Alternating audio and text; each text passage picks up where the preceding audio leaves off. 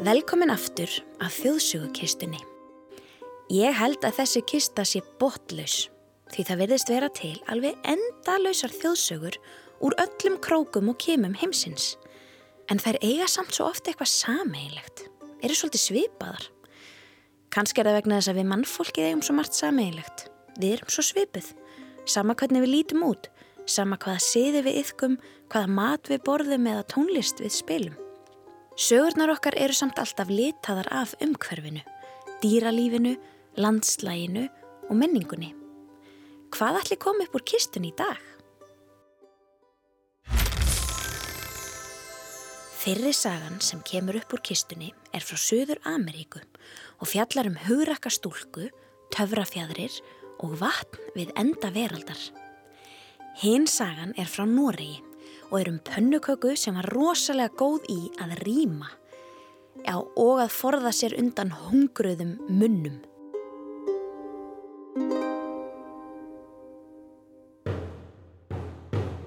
Yngar voru indjánar á meginlandi Suður Ameríku. Stæsta ríki þeirra var í kringum höfuborgina Cusco í landi sem í dag heitir Peru. Ríki Ynga var stopnað í kringum árið 1200.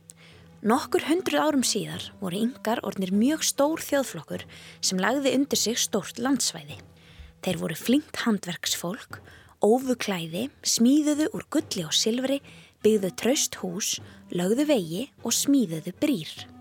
Fólkið var afar trúað, trúði á náttúruna og guðina sem í henni byggu, dýrkaði fjöllin, jörðina, vötnin, dýrin og plönturnar. Sagan sem við heyrum næst er úr yngaríkinu og fjallar um töfra vatn. Hlusti nú vel. Leitin að töfra vatninu. Fyrir mörg hundruð árum, nálagt Cusco, höfuðborg yngana, bjó stúlka sem hétt Ampata, ásamt foreldrum sínum og tveimur eldri bræðrum. Fjölskylda hennar var fátæk og gerði sitt allra besta til að rekta það litla land sem hún átti og þjóna þannig yngaríkinu, sólarkonunginum og guðónum sem þau trúðu á. Einn daginn bárust þeim þær fréttir úr konungsríkinu að prinsinn sem hafði alla sína æfi verið veikur væri orðin mun veikari. Sólarkonungurinn ótaðist um líf engasónar síns. Okkar eina von, sagði töfra læknir hirðarinnar er að sonurðinn drekki vatn úr töfravatninu. Töfravatnið er við enda veraldar þar sem heimnin drjúpir svo langt niður að hann snertir yfirborð vatsins og leður það töfrandi orgu sem að getur læknaðan. Sólarkonungurinn lísti því yfir að hver sá sem geti fært honum vatn úr töfravatninu við enda veraldar fengi ríkulega launað. Í yngaríkinu var til feiki nóg af gulli svo fólk sótist ekki eftir því, heldur frekar eftir frjóulandsvæði þar sem það geti ræktað korn og aðra matvöru. Eldri bræður ampötu vildu hins vegar ganga í augun á konginum og þess vegna ákveðu þeir að leggja upp í leit að töfravatninu. Ef þeir fyndu vatnið og björguðu prinsinum, yrðu þeir hetjur í yngaríkinu og konungurinn stæði í þakkarskuld við þá alla tíð. Þeir grátt báðu fóreldra sína að fá að fara. Við vitum að við getum fundið töfravatnið. Endi veraldar er allt og langt í burtu, sagði fadir þeirra, krosslagði hendurnar og horfi á þá ákveðin og svip. Mamma þeirra kingaði kolli og bætti við. Þið gætur rekist á fjallaljón, kirkislöngur, dotti fram af háum klettabeltum og já, hver veit hvaða fleiri hættur getur leinst á leiðinni. En prinsun okkar deyr ef hann færa ekki að drekka úr töfravanninu. Við verðum að reyna. Að lokum letu foreldrarnir undan bræðrunum og þeir lögðu af stað. Þeir ferðuðust í marga, marga mánuði, gengu í gegnum endalaust fjalllendi. Í hvert sinn sem þeir komust yfir eitt fjall, trúðu þeir að þeir væru komnir á enda veraldar. En alltaf beigð þeirra annað fjall. Eftir að þeir höfðu klifið mjög hátt fjall og séð marga aðra fjallstinda handan þess, misti annar bróðurinn alla von og sagði Ah, við finnum töfravatni aldrei. Ég veit, þetta er vonlust. Hvað eigum við að gera? Bráðum er uppskeru tími á landi fóreldrakar og þau þurfa okkur að halda. Tökum bara smá vatn úr þessu stöðvanni hér og gefum prinsinum. Við erum komin rosalega langt frá Cusco. Kanski dugar þetta vatn til að lækna hann. Þeir trúðu varla sjálfur að þetta myndi virka, en ákvaðu samt að láta á það reyna. Þeir skopluðu vatni í litla kröku, lokuðu vel og heldu á fund sólarkonungsins í kastalanum. Töframaður hyrðarinnar tók við vatninu, heldi því í flöskuna sína og setti svo upp grenju svip. Vatnið byrjaði að sjóða og skyndilega gufaði það allt upp. Töfraflaskan mín tekur bara við vatni úr töfravatninu. Þetta vatn er bara eftirlíking, fölsun. Þessi menn eru svindlarar. Hvernig dyrfist þið að blekja sjálfa konungsfjölskylduna? Rópaði sólarkonungurinn sem var í miklu uppnámi. Kastið þeim í dýflusuna! Bræður Ampötu voru látnir dúsa lengi í fangelsi og fréttir af þessum svikarröppum bárust hratt um landið. Hún hafði miklar áhyggjur af bræðrum sínum en held í vonina um að þeir væri á lífi. Hún ákvaði að reyna bjarga prinsinum sjálf og freista þess að frelsa bræður sína úr fangelsinu. Kemur ekki til mála. Söðu fóreldrar hennar. Við megum ekki missa fleiri börn. Hún sannfærði þau um að þetta væri eina leiðin til að frelsa bræður hennar og að ástand prinsins væri orðið svo slæmt að hún yrði að reyna. Þau letu undan, gáfið ampötu netur og ristaðan mægi sínesti og lamadýr til að fara með henni í þessa hættu för að töfravatninu. Þyrstu nóttina lagðist ampata til sveps. Hún kurði sig upp að lamadýrinu og svaf vært. Nóttin eftir vaknaði hún við öskur í fjallaljóni. Hún vildi ekki leggja lamadýrið sitt í hættu svo hún sendi það aftur heim og hjælt áfram einn síns liðs.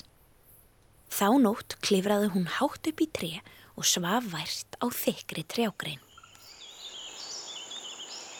Dægin eftir lág hún á trjágreininni, geti sér á netum og ristuð mægis og fyldist með hópi arnpáfa sem flugu og lekur sér yfir höfði hennar.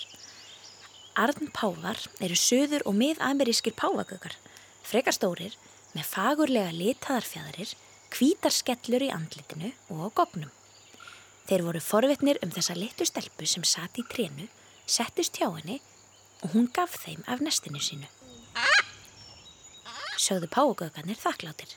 Hvað er mannastelpa að gera hátt upp í trjánum?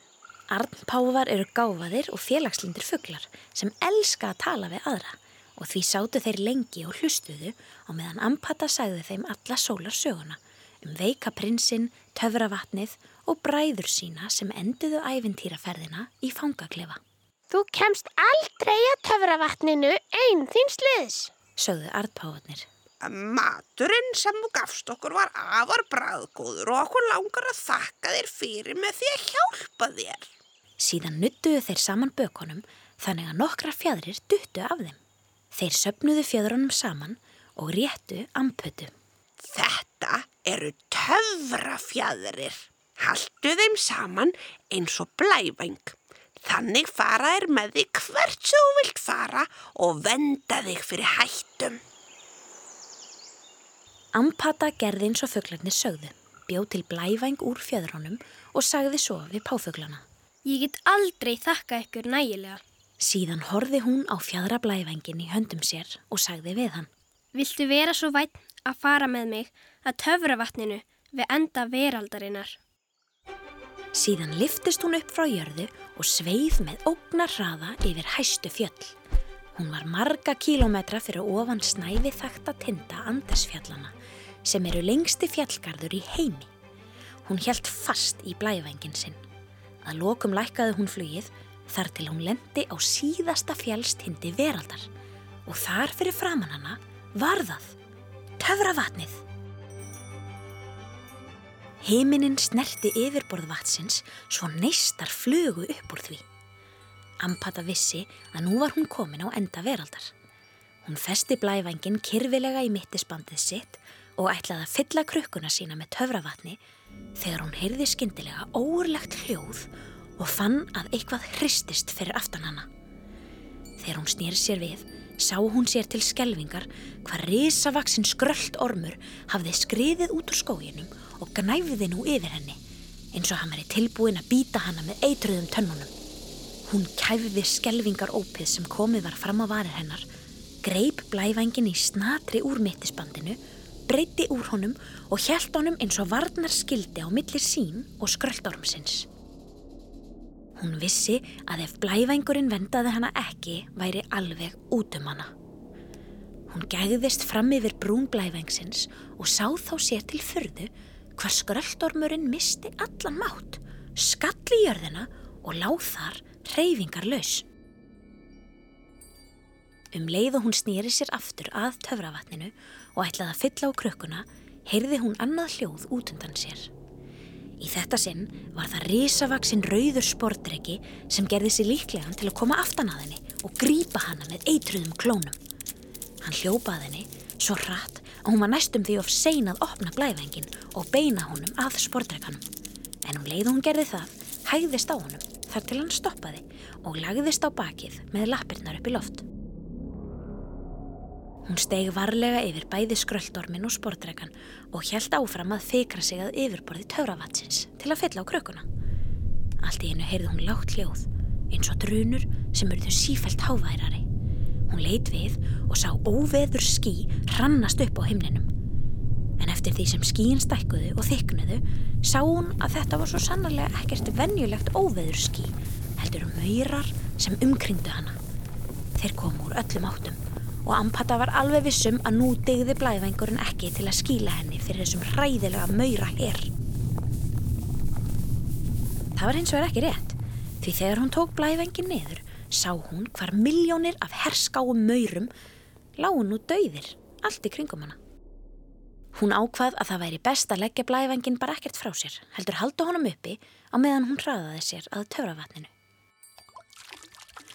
Um leið og krukkan var orðin full af vatni, sagði hún við blæðvængin. Farðu með mig undir eins að höllu sólarkonungsins.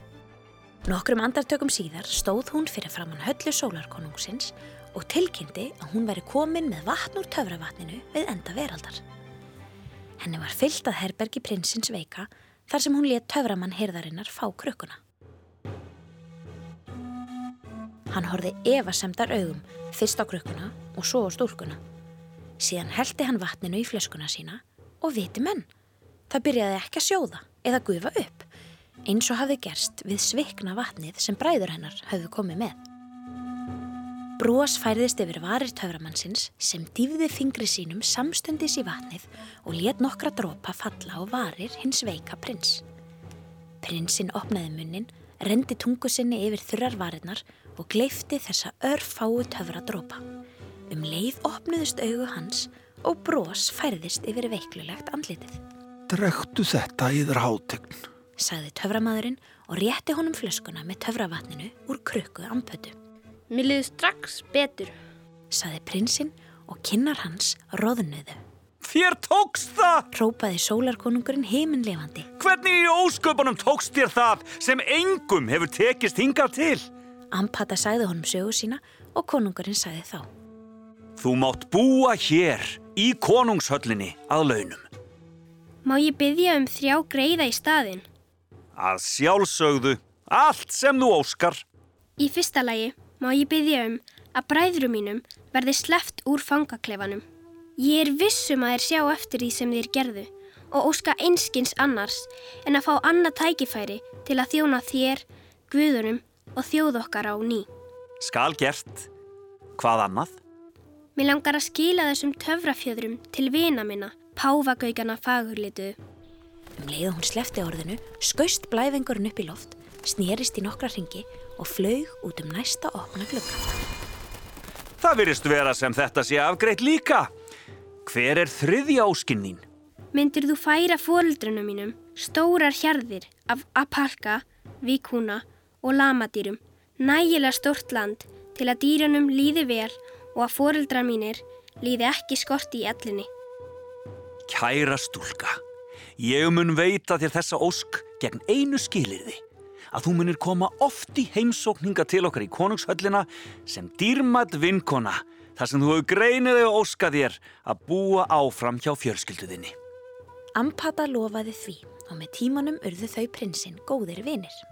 Vinátt að þeirra breytist í ást og að lokum giftu þau sig með pomp og prakt í konunglegu brúðkaupi.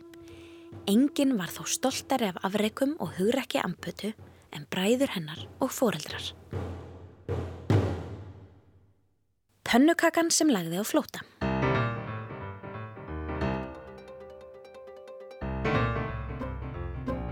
Einu sinni var lítið fallegt timburhús í djúpum dal í Noregi. Þar byggu mamma og pappi með sjö börnum sínum. Eitt daginn var mamman að steikja pönnukökur og notaði til þess öll sín bestu ráefni. Ilmurinn fyldi húsið og fljótlega höfðu öll börnin sapnast saman við pönnukökupönnuna og horðu glórsoltin á mömmu sína og pönnukökuna sem lág hálf bökuð á pönnunni, Ó, geði mig bita pönnukökunni, mamma mín. Ég er svo svöng. sagði eitt barnið, Ó, já, gerðu það, elsku mamma mín. Sagði næsta, Gerðu það, elsku góða mamma mín. sagði það þriðja, Ó já, gerðu það elsku góða blíða mamma mín. sagði það fjórða, Ó, já, gerðu það elsku góða blíða ljúa mamma mín. sagði það fymta, Gerðu það, elsku góða blíða ljúfa sæta mamma mín. sagði það sjötta, Ó, já, gerðu það elsku góða blíða ljúfa sæta kæra mamma mín. sagði það sjönda. Þá voru þau öll farin að grát byggja um bit af pönnukökunni, hver með meiri ákafa en það sem kom á undan, af því þau voru svo svöng og góð lítil börn. Já, elsku börn, en þið verðið að býða þángar til pönnukakan snýr sér við. sagði hún. En mamma hefði átt að segja, þanga til ég sný pönnukökunni við. Og þá fáið þið pönnukökur, fallegar pönnukökur úr bestu hráöfnunum. Sjáuð bara hvað hún er þykk og falleg hérna á pönnunni. Þegar pönnukakan heyrði þetta varð hún hrætt og vildi komast af pönnunni, en datt þá á hina hliðina. Þá styktist hún aðeins meira og þyknaði, þannig að hún var orðið nógu stíf og sterk til að lifta sér upp, hopp út á golf og rúlla sér eins og hjól, beint út um dyrnar og út á veginn. Nei, halló, halló, hvert er þetta að fara? Kallaði mamman á eftir pönnukökunni og hljóp af stað með pönnuna í annari hendinni og sleif í hinni. Hún hljóp eins hratt og hún gat og öll börnin sjö og pappin á eftir. En pönnukakan náði að rúla sér hraðar. Halló, stoppaðu. Viltu gjöra svo vel að stoppa? Grípið hana, halló! Kölluðu þau hvert á eftir öðru en pönnukakan rúlaði bara áfram. Áður en leið á löngu var hún komin svo langt frá þeim að þau sá hann ekki lengur. Þegar pönnukakan hafði rúlað í svo litla stund, hitti hún mann. Góðan daginn, pönnukaka.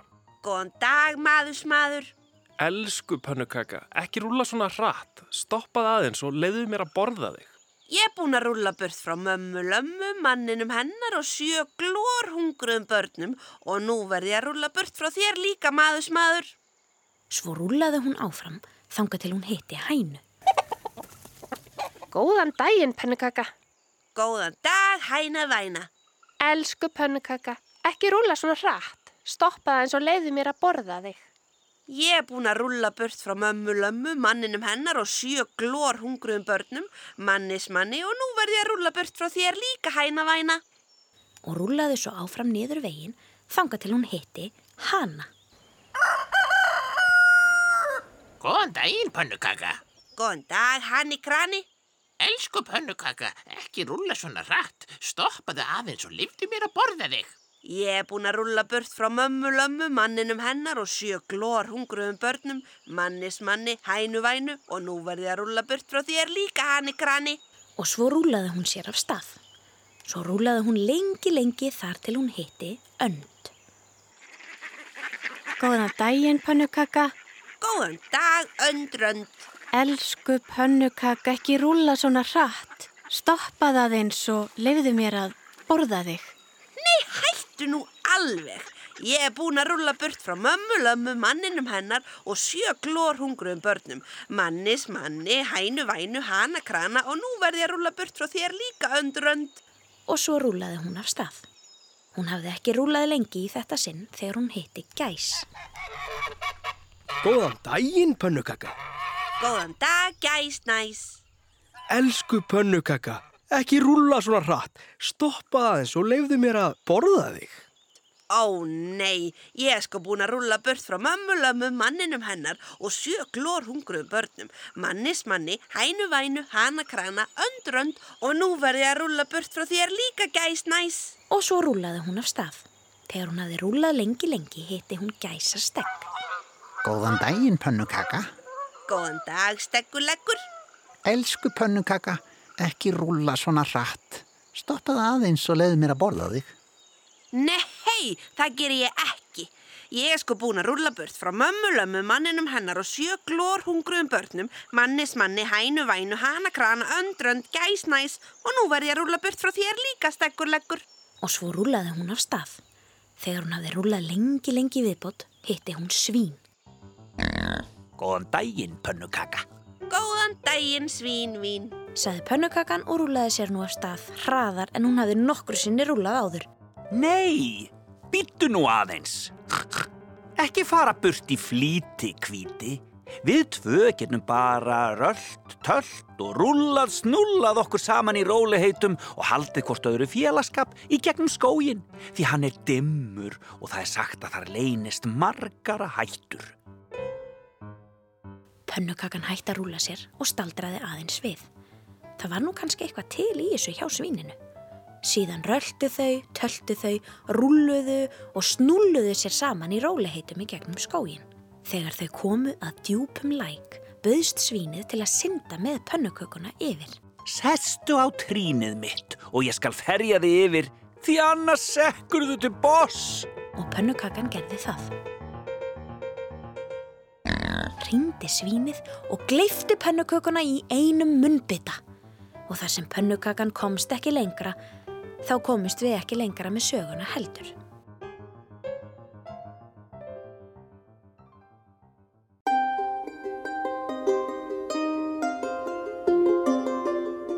Vá, þetta voru aldeilis ótrúlegar sögur. Svo ótrúlegar að maður ætti kannski ekki að trúa þeim. Eða hvað? Heimurinn er ótrúlegu staður og ímislegt ótrúlegt hefur nú alveg gerst. En nú lokum við þjóðsögukistunni.